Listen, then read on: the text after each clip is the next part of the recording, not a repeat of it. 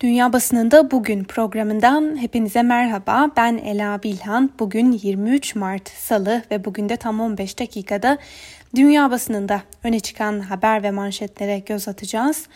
Bültenimize bir kez daha Amerikan basınının en önemli gündem maddelerine göz atarak başlayalım. ABD'nin Colorado eyaletinde bir süpermarkette silahlı saldırı düzenlendi ve saldırı nedeniyle biri polis olmak üzere 10 kişinin hayatını kaybettiği bildirildi. Bugün New York Times gazetesinin de gündemine taşıdığı bu haberde saldırının sebebine dair henüz net bir açıklama yapılmadığı da belirtilmiş. Bu haber bugün Washington Post'un da gündeminde. Gazete saldırının hemen ardından gözaltına alınan zanlı hakkında şu ana kadar bir bilgiye ulaşılamadığını yazmış. Öte yandan saldırıya dair neredeyse hiçbir ayrıntının da netleşmediği belirtiliyor. New York Times'ın bir diğer haberiyle devam edelim. Biden yönetimi ekonomiyi kalkındırmaya yönelik harcanacak 3 trilyon dolar hazırladı. Başkan Joe Biden'ın danışmanlarına ekonomiyi canlandırmak, karbon emisyonlarını azaltmak ve eşitsizliklerle mücadele etmek için kapsamlı girişimlere yatırım ve harcama yapılmasını tavsiye etmesi bekleniyor. New York Times'a göre bu beklenti Biden'ın kampanya sürecinde odaklandığı iklim ve eşitlik gibi büyük sorunları resmen ele alacağının da işareti. Washington Post'un bu konuda aktardığı bilgilere göre de Biden yönetiminin önceliği 1.9 trilyon dolarlık teşvik paketini halka dağıtmak ve yeterli girişimleri yapmak olacak. Ancak sonrasında ise yani Nisan ayının başında da yönetimin 3 trilyon dolarlık yeni pakete yönelmesi bekleniyor. Öte yandan ABD Başkanı Joe Biden Twitter üzerinden yaptığı son açıklamada 1.9 trilyon dolarlık teşvik paketi kapsamında 4 kişilik bir ailenin tam 5600 dolar yardım alacağını da açıkladı. Voice of America'nın bir haberiyle devam edelim.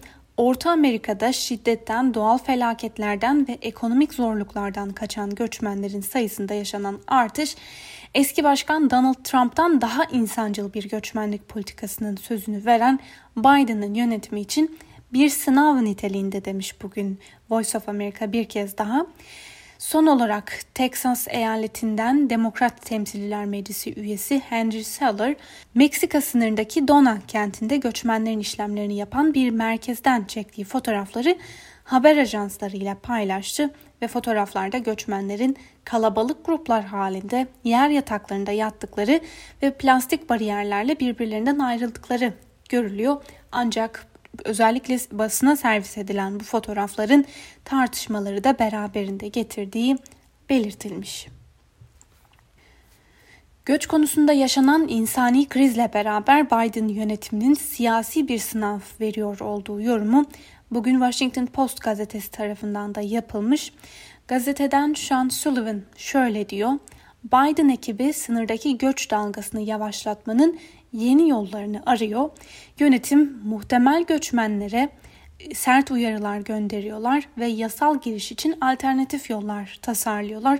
Ancak Beyaz Saray'ın bu hamlesinin yeterli olup olmayacağını da zaman gösterecek.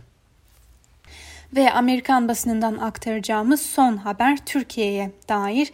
Bu haberi bugün BBC'de ele almıştı. Wall Street Journal gazetesi Türkiye'nin faizleri aşağı çekerek enflasyonu düşürmek yönündeki sıra dışı politikasının başarılı olma şansının çok düşük olduğunu ve Türk lirasının daha uzun bir süre çalkantılı bir dönemden geçebileceğini yazdı.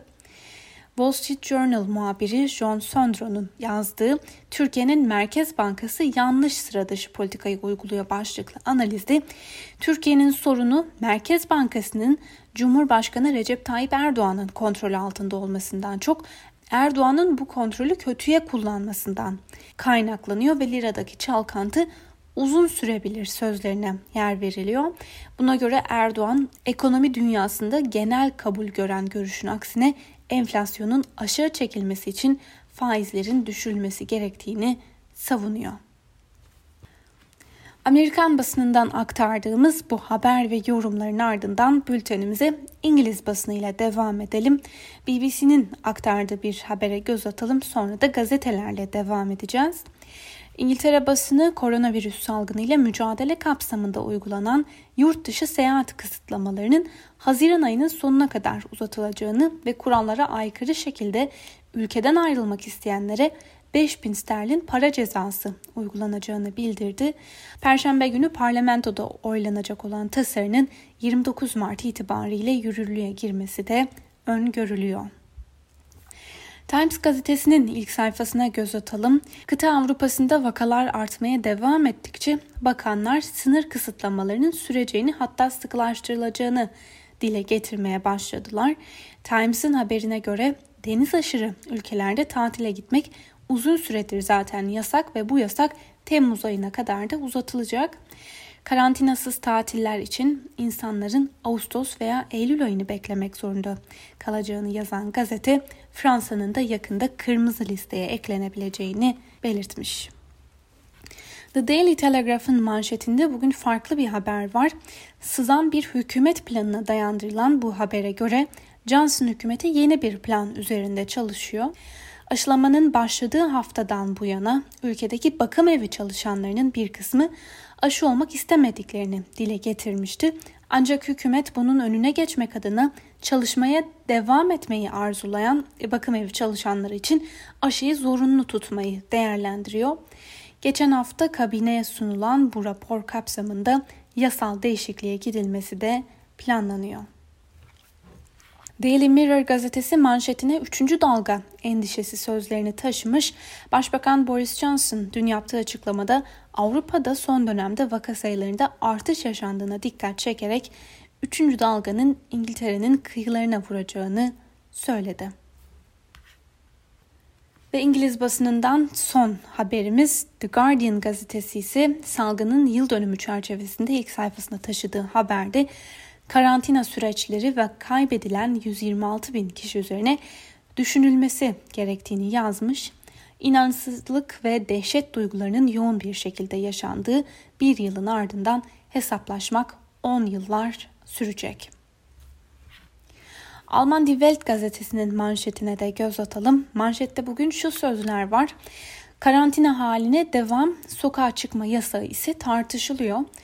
Dün Merkel'in eyalet başbakanları ile yaptığı görüşmeden sonra çıkan sonuca göre Almanya'da 28 Mart'a kadar geçerli olan tedbirler sertleştirilerek 18 Nisan'a kadar uzatıldı. Deutsche Welle'nin aktardığı iki habere göz atalım. Almanya'da maske skandalı büyüyor. Resmi kurumlara maske teminine aracılık eden bazı milletvekillerinin ortaya çıkmasından sonra son olarak Sağlık Bakanı Jens Spahn'ın eşi Daniel Funke'nin çalıştığı Burada grubunun bakanlığa maske satması tartışmaları beraberinde getirdi. Berlin'den ard arda İstanbul Sözleşmesi tepkisi başlıklı bir diğer habere göre de Türkiye'nin İstanbul Sözleşmesi'nden çıkması Alman siyasetinde tepkilere neden olmaya devam ediyor. Almanya Aile Bakanı Franziska Giffey, Türkiye'nin çıkma kararının kendisini sarstığını söyledi. Avrupa Birliği'ne dair bir haberle devam edelim. Avrupa Birliği şu ana kadar yaklaşık 450 milyonluk nüfusunun yalnızca %12'sine yakın bir bölümüne birinci doz aşıyı yapabildi. Bu nedenle de AB liderlerine yönelik sert eleştiriler yapılıyor. Bunun üzerine günlerdir tartışılan hatta Birleşik e, Krallık ile Avrupa Birliği arasında gerilime yol açan krizde bir kez daha gündeme gelmişti. Avrupa Birliği şu anda geçerli olan anlaşmaların aşılama kampanyasını yavaşlattığını ve Avrupa'daki fabrikalardan İngiltere'ye Oxford AstraZeneca aşısının ihracını bloke edebileceğini bir kez daha dile getirdi. İsrail basını bugün özellikle önemli. Jerusalem Post gazetesiyle başlayalım. Erken seçim ve koalisyon krizleriyle üst üste siyasi krizler yaşayan İsrail bugün iki yıl içinde dördüncü kez sandık başına gidiyor. Gazetenin yorum köşesine de göz attık. Bugün sonuç ne olursa olsun seçmenin vereceği karar tarihin tozlu sayfalarına karışacak. İsrail iki yıl önceki ilk sonuçsuz seçimden bu yana neşeli bir şekilde yoluna devam etmeyi başardı. Bir diğer habere göz atalım. Netanyahu, İsrail'in şu ana kadar başarılı yürütülen aşılama kampanyası ile oylarını yükseltebileceğini umuyor. Anketlerde Netanyahu liderliğindeki Milliyetçi Likud Partisi'nin açık bir üstünlüğü bulunuyor. Ancak yine de Netanyahu 61 sandalyelik çoğunluğa ulaşmak için bir kez daha koalisyon kurmak zorunda kalacak. The Guardian'ın aktardığına göre Netanyahu tam bir sağcı hükümet kurarak yıllardır oturduğu koltuğu korumayı planlıyor. Bu Likud'un milliyetçi, dini, muhafazakar ve aşırı sağcılarla koalisyon kurmayı planladığı anlamına geliyor. Bu haber bugün Euronews'un da gündemindeydi.